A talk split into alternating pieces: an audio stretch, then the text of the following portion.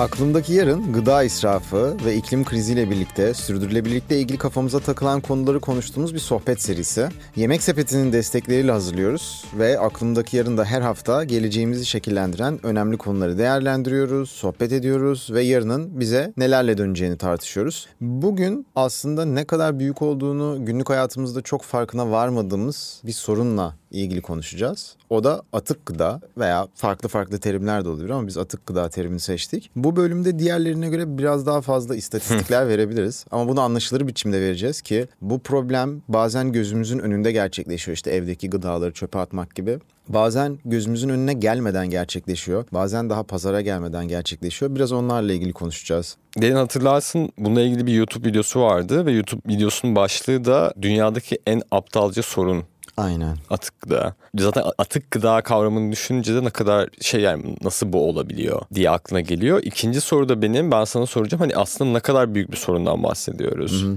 İnanılmaz büyük bir sorundan bahsediyoruz. Hatta sorunun ne kadar büyük olduğunu belki de bütün bölüm boyunca vereceğimiz istatistiklerle de biraz konuşabiliriz. Çok basit olarak girersek dünyada üretilen gıdaların üçte biri Amerika'da ise üretilen gıdaların yaklaşık yüzde kırkı atık oluyor. Yani hiçbir şekilde tüketilmeden doğrudan çöpe gidiyor. Tabii burada harcanan kaynaklar olağanüstü. Bu harcanan kaynakları farklı yere harcasaydık dünya nasıl bir yer olurdu? Bambaşka bir konu. Biliyorsun dünyadaki suyun, temiz suyun yani tatlı suyun yaklaşık %70'i tarımda kullanılıyor. Kısaca hı hı. üçte birini kullandığın zaman dünyadaki suyun, kullanılan suyun %25'ini çöpe atıyorsun. Yani hiç geliyor. tüketmediğin bir gıda için kullanmış oluyorsun. Yine böyle çok garip bir istatistik var. Hatta aynı veriden çıkıyor aslında bu istatistikte. Hı hı. Dünyadaki tarım arazilerinin %28'i boşa çalışıyor. Boşa ekiliyor, boşa biçiliyor, hı hı. boşa transfer ediliyor. Belki transfer edilmeden gıda altına dönüşüyor. Çünkü çünkü hı hı. hem üretimde hem tüketimde gıda atığı oluşabiliyor. Hı hı. Ve bu alan yani düşünebiliyor musun? Çin, Moğolistan ve Kazakistan'ın ki küçük ülkelerden bahsetmiyoruz. Çok büyük. Toplam yüz ölçümü kadar. Yani o kadar bir alanda yetiştirilen gıdayı bir şekilde kullanmadan, tüketmeden hı hı. yok ediyoruz. Burada yani tabii ki de insan şeyi hep düşünüyor. Eğer o gıda çöpe atılmasaydı veya o gıda bir şekilde harcanmasaydı ne olurdu? Birazcık ondan bahset. Bu arada sen büyürken ailen sana şeyi söylüyor muydu? Eğer bir yani ben de çok oluyordu. Ben 5-6 yaşındayım. Tabii 1990'lara tekabül ediyor bu. Yani Hı-hı. Afrika'daki açlığın Hı-hı. en üst seviyede olduğu ve küresel kuzey diyeyim. Küresel kuzeydeki insanların o konunun farkına varmaya başladığı dönem. Evet hatırlarsan aynı dönemde böyle hatta büyük yardım kampanyaları da yapılmıştı. Hatta evet. Aid Afrika diye büyük bir konser yapılmıştı. Rock konseri yapılmıştı. O dönemi çok iyi hatırlıyorum ve Hı-hı. hani genelde de hani sofrada söylenilen hani tabağındaki yemeği bitir. Çünkü Afrika'da şey, şu anda çok bu arada hani politikli korrekt gelmiyor söyleyince. Hı hı. Ama belki de hani o dönem ilk kez yani biz burada bir şeyler yerken başka yerde inanılmaz bir açlık yaşanıyor'nun genel olarak ana akıma girdiği dönemdi. Aynen öyle. Aslında biraz da atık gıdayı dünyada hani kendini besleyebilecek gıdaya sahip olamayan insanlarla da birazcık eşleştirmek genelde istatistiksel olarak yapılan şeyler. Çünkü oradaki kaybolan fayda daha doğru biçimde değerlendirilebilse ne olurdu? Bu arada 90'lardan beri dünya çok değişti tabii ki de. Gerçekten de yeterli gıda gıdaya sahip olamayan insan sayısı olağanüstü biçimde düştü. Bu konuda yapılan çalışmalarda. Yani Birleşmiş Milletleri hep kötülüyoruz ama gerçekten en çok ihtiyaç olan bölgelerde de hani sağlık konusunda, gıda konusunda kaderini değiştiren şeyler yapabiliyor. Ama istatistiklere baktığımız zaman son 10 yılda bir tehlikeli bir durum var. 30 yıldır düşen bir istatistikler var. Yani gıdaya yeterli gıdaya erişemeyen kişi sayısı. Ama 2011'lerde bu sayı 600 milyonlarda takılmış ve plato Hı-hı. yapmış ve hiç Hı-hı. düşmüyor. Hatta yavaş yavaş da artıyor. E, bu da yaklaşık dünyanın %8.9'u %9'u günlük bir bazda yeterli gıdaya erişemeyen bir noktada. Bununla ilgili çok ilginç başka bir trend var aslında. Aslında aynı trend bu bahsettiğin trendin aynı zamanda gelişmiş ülkelerde de olması. Hmm. Bu çok ilginç. Yani e, mesela Amerika Birleşik Devletleri'ni ele alalım. Az önce istatistik verdin işte neredeyse gıdanın %33 çöpe gidiyor dedin. Hmm. Amerika'da bu oran %40'ların üzerine çıkıyor. Hmm. Ve tabii Amerika'nın genel olarak gayri safi milli hasılasını ve üretilen gıdayı düşününce oradaki gıda miktarı hani atılan gıda miktarı birçok yere göre daha fazla. Ama ilginç bir şekilde o dediğin gibi bir yandan da Amerika'da hala düzenli ve besleyici ve sağlıklı gıdaya erişimin belli bir kesim arasında azalması söz konusu. Yani hı hı. o bahsettiğim platoya bir yandan bazı yerlerde gelişmiş ülkeler de e, dahil olabiliyor. Belki yani özellikle Amerika örneğinden bahsedersek. Ya zaten sağlıklı kelimesini eklediğin zaman hani bambaşka bir noktaya gidiyor. İnsan... Ya ama şey gibi değil yani onu şey gibi düşünmemek lazım. Hani sağlıklı işte organik Yo, yo, yo. çok şey. Yani Yok, öyle normalde bir insanın alması gereken besin değerlerini içeren gıdadan bahsediyoruz. Evet, evet, evet. Ve bunu düzenli olarak erişimi olmasından Evet, bahsediyoruz. evet. Yani yoksa şey değil yani en organik, en özel yöntemlerle yani üretilmiş anlamda değil. Bu arada bu gıda problemi yani hani tükettiğimiz gıdaların kalitesi problemi bambaşka bir konu. Onu zaten başka bir zaman konuşuruz ama söylediğin zamanda hani dokunmak gerekiyor. Yani özellikle tükettiğimiz gıdalar hayatın uzunluğu, hayatın kalitesi, işte şeker hastalıkları, kalp damar hastalıkları gibi birçok konuyu etkilediği için aslında atık gıda gıda probleminin çok küçük bir kısmı biliyorsun. E, kesinlikle öyle. Enteresan bir biçimde bu bu arada bilmediğim bir konuydu. En çok atık oluşturan gıdalarda aslında en sağlıklı yani meyve ve sebzeler en çok atığa dönen gıdalarmış. Bunu da aslında bu araştırmalar sayesinde öğrendim. Çok iyi dedim. Bu arada daha önce biliyorsun biz çöpler ve atıklar üzerine konuştuk. Ve orada çöpün ve atığın iki ayrı kavram olduğundan konuştuk. Burada atık gıda dediğimiz şey hani yedik, bitirdik, işte sonra komposta gönderdiğimiz gıdadan bahsetmiyoruz. Yani tamamen üretilmiş besin değerleri duruyor.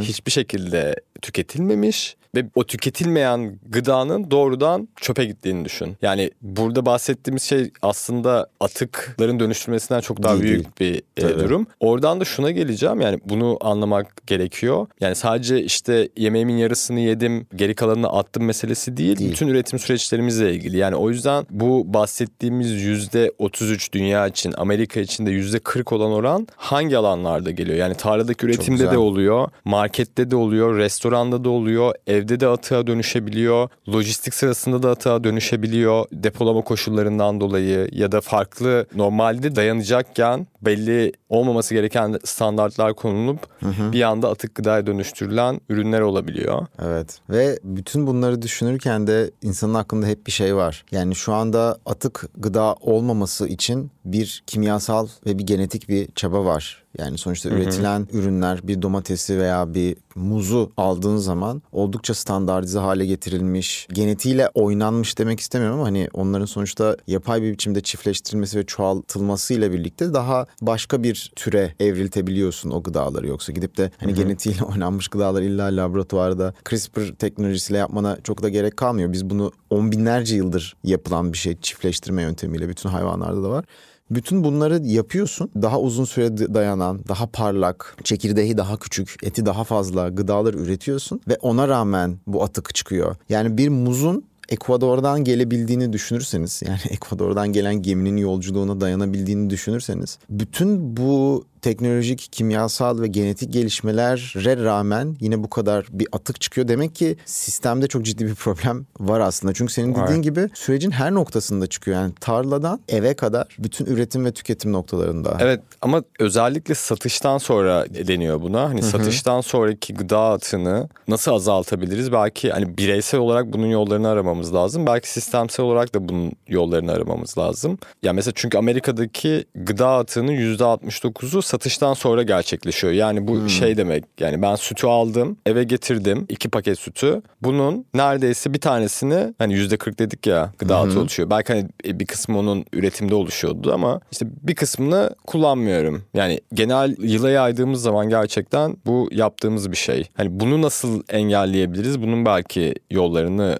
aramak gerekiyor. Tabii buna ilişkin güzel örnekler de yok değil. Hani onları da söylemek lazım. Hani hem teknoloji kullanarak bu atık gıda meselesine çözüm üretmeye çalışan örnekler var. Teknoloji kullanarak dedim ama evet bu da teknoloji kullanarak ama böyle şey sanıyoruz ki böyle çok yeni bir teknoloji. Mesela MIT Lab'in Foodcam diye bir projesi var. Bu Foodcam projesi bayağı işte kalan atığı fotoğrafını çekiyorsun. Ve e-mail listesine paylaşıyorsun. Etrafında olan insanlar var mı? Yani böyle Craigslist'i bilirsin. E tabii tabii bilirim. Yani evet, aynen. Craigslist yani ikinci el bir şeyler satılan yer ve çok eski bir işte arayüzü var. Çok. Ona benzer bir şey bu Foodcam diye ve 1999'dan beri var. Yani e-mail'la birlikte yani e-mail listesinde paylaşıyor ve insanlar birbirlerini yemekle tamam hani ben bunu alırım şey yaparım ya da Daha işte bir. Bağış yapılıyor. Şu anda da hala devam ediyormuş bu arada. Yani işte Twitter üzerinden yapıyorlar. Bu çözümleri biraz daha ölçeklenebilir halde getirmek gerekiyor evet. diye düşünüyorum ki Türkiye'de çok güzel bir örnek var. Sen biliyorsun hani Tabii. fazla gıda burada iyi bir örnek ama fazla gıda mesela yanlış bilmiyorsam satıştan önceki gıdaları dönüştürüyor daha çok. Yani marketlerdeki oluşabilecek yani marketlerin stoklarında son kullanma tarihi gelmiş gıdaları hı hı. alıp ihtiyaç sahipleriyle buluşturuyor.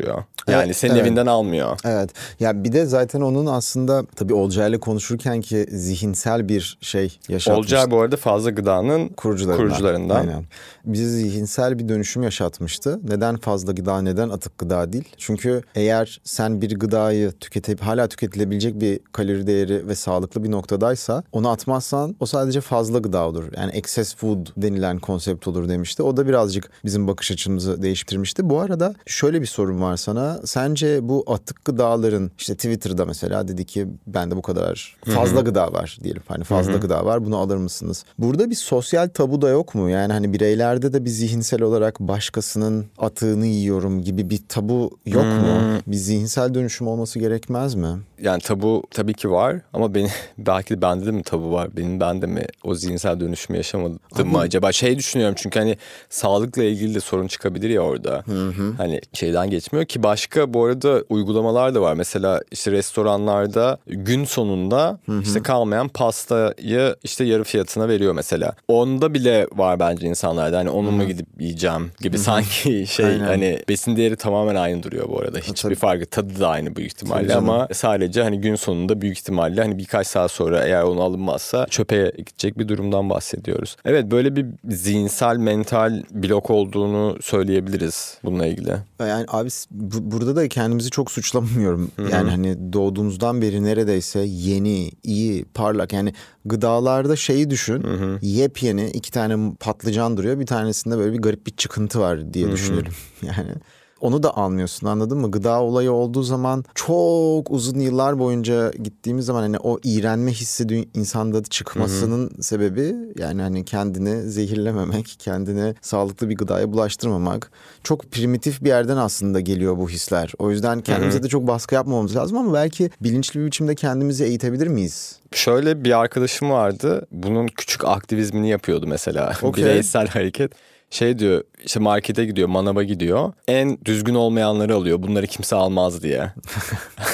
Ugly, Kendi kendine bir de evet ugly food gibi hani diyor ki hiçbir farkı yok yani ben zaten bunu kesip doğrayıp biçip kaynatacağım yani sonunda aynı besine dönüşecek hani o yüzden ha bir yandan da küçük bir aktivizm çünkü Tabii. biliyor ki hani günün sonunda onlar kalacak evet. böylece almış oluyor onu. Abi çok garip bu arada. Püre yapıyorsun. Evet. Ama diyorsun ki şeyim girintili çıkıntılı olmasın. Yani çok saçma.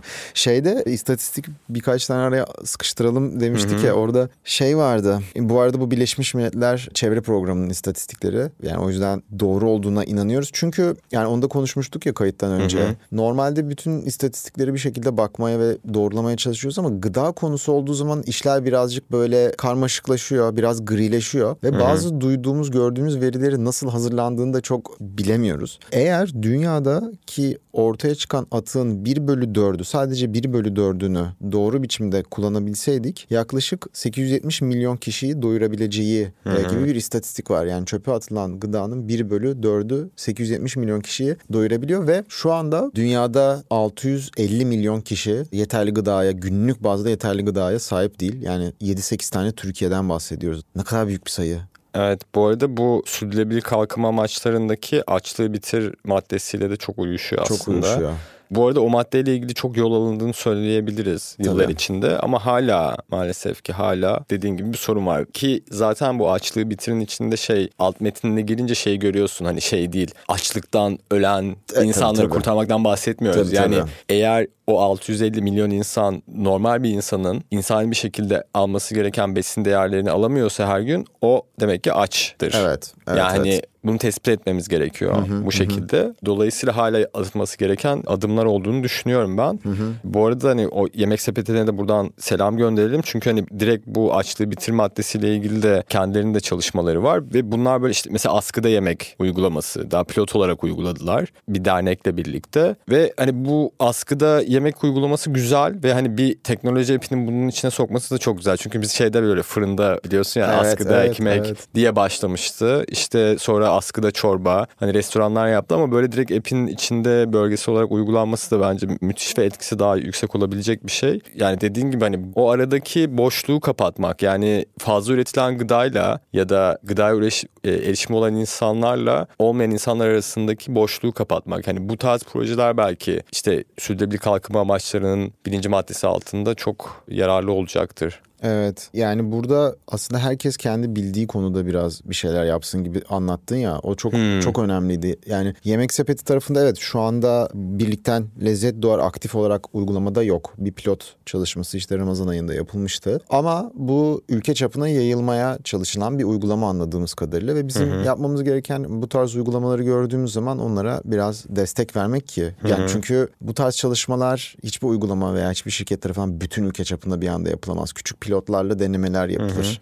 Yani kısaca söyleyeceğim şey bunlara birazcık da gördüğüm zaman destek atmak e, ve pilot uygulamaların başarılı hale gelmesini ve daha genele yayılmasını sağlamak önemli. Ben yine verilere sürekli gidiyorum ama ya burada benim hani bireysel olarak çok dikkatimi çeken ve önemli olduğunu düşündüğüm şeylerden bir tanesi aslında gıdaya erişimde belli bir kalori değeri var. Hani herkesin günde işte ne bileyim 30 yaşındasın, boyun, kilon ve cinsiyetin işte vücudunun mevcut kilosu ve şekline falan göre bir şey çıkıyor. Diyelim ki 1800. Zaten 200 kalori yiyen değil yeterli gıdaya sahip olan senin dediğin gibi 1500, 1300 vesaire de o şekilde oluyor ama bütün bunların içerisinde çok tehlikeli yani kalori değerini alamaması kendisine çok tehlikeli ve bütün hayatını mahvedecek olan bir grup var. O da çocuklar. Yani özellikle 0-6 yaş arasında yeterli gıdaya erişimin yoksa maalesef bütün hayatını etkileyebilecek gelişimsel problemler yaşıyorsun. Neyse ki söylediğim gibi hani o dünyada gıdaya erişimi olmayan insan sayısı biraz plato noktasına gelmiş olmakla birlikte çocuklarda o yavaş yavaş azalmaya devam ediyor. Ama hala dünyadaki çocukların yaklaşık 5'in altındaki çocukların %12'si günlük bazda yeterli gıdaya sahip değil ve bunun yanında da Amerika'da bahsediyoruz. Gıdanın %40'ı atılıyor. Bu arada Amerika'da %40'ı atılıyor diyerek oraya parmak göstermek değil.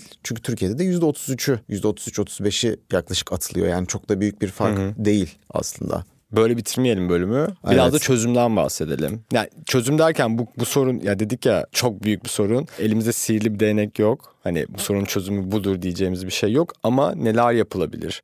Bireysel olarak düşünelim. Mesela haftalık bir yemek planı yapmak. Fazla yemek, fazla sipariş vermemek. Bu planlamayı yapamıyorsan bu arada benim gibi. Buna dair istatistikler de var. Bu arada hani yemek sepeti sponsor diye söylemiyorum bunu. Çünkü bu konuyu araştırırken baktık. Mesela porsiyonu ayarlanmış gıdaları söylemek gıda atının önüne geçebiliyor. Hani eğer senin işte profesyonel hayatta ya da başka şeyde böyle bir imkanın yoksa bunu planlamaya ve bunu yaşayan çok arkadaşım var işte gaza geliyor işte iki hafta alışveriş yapıyor Abi, işte ama asla öyle bir temposu yok ve o marullar orada çürüyor. Bozulup gidiyor. bozulup gidiyor. Bu bir yöntem olabilir. Yani bu ikisini belki dengelemek. Dengelemek. e, hafta bir içi hafta yöntem. sonu mesela yapılabilir. Mesela hafta sonu güzel yemeğini yaptın bir iki güne yaydın ama hafta Aynen. içi öğlenleri yemek siparişi verdin ve onu verirken de işte böyle büyük porsiyonlar vermemek zaten o onun için neler yapman gerektiğiyle ilgili başka bir bölümde konuştuk. Yani gıda atıklarını kompost etmek de yine normalde çöp olarak değerlendirecek şeyi atık olarak değerlendirip o atığı değerlendirmek anlamında önemli bir noktaya gelebiliyor. Belki hani mark bu bireysel olarak yapabileceğimiz şeyler. İki şey ekleyebilir miyim? Tabii Bunlar bu arada ne derler? Bunlar böyle kitapta yazmaz. Bunlar bu arada direkt yani kendi kişisel hayatımızdan ekleyeceğim iki şey. Birincisi buzdolabı düzeni inanılmaz önemli. Buzdolabını biraz aktif kullanarak mesela aldın marul bozuluyor dedin ya onu üst rafa koyuyorsun ve onu böylece daha hızlı tüketebiliyorsun. O buzdolabı düzenini aktif olarak kullanmak çok önemli. Diğer ikincisi de bozuluyor mu yemek? Ye. Abi çağır arkadaşlarını. Üç kişi, beş kişi bir şey. Birlikte yemek yapın ve yemek yiyin. Zaten hani yemek masası insanlık tarihinde belki ateşle birlikte çevresinde en çok oturulan şeylerden bir tanesi. Birlikte yemek yapıp onları tüketebilirsiniz.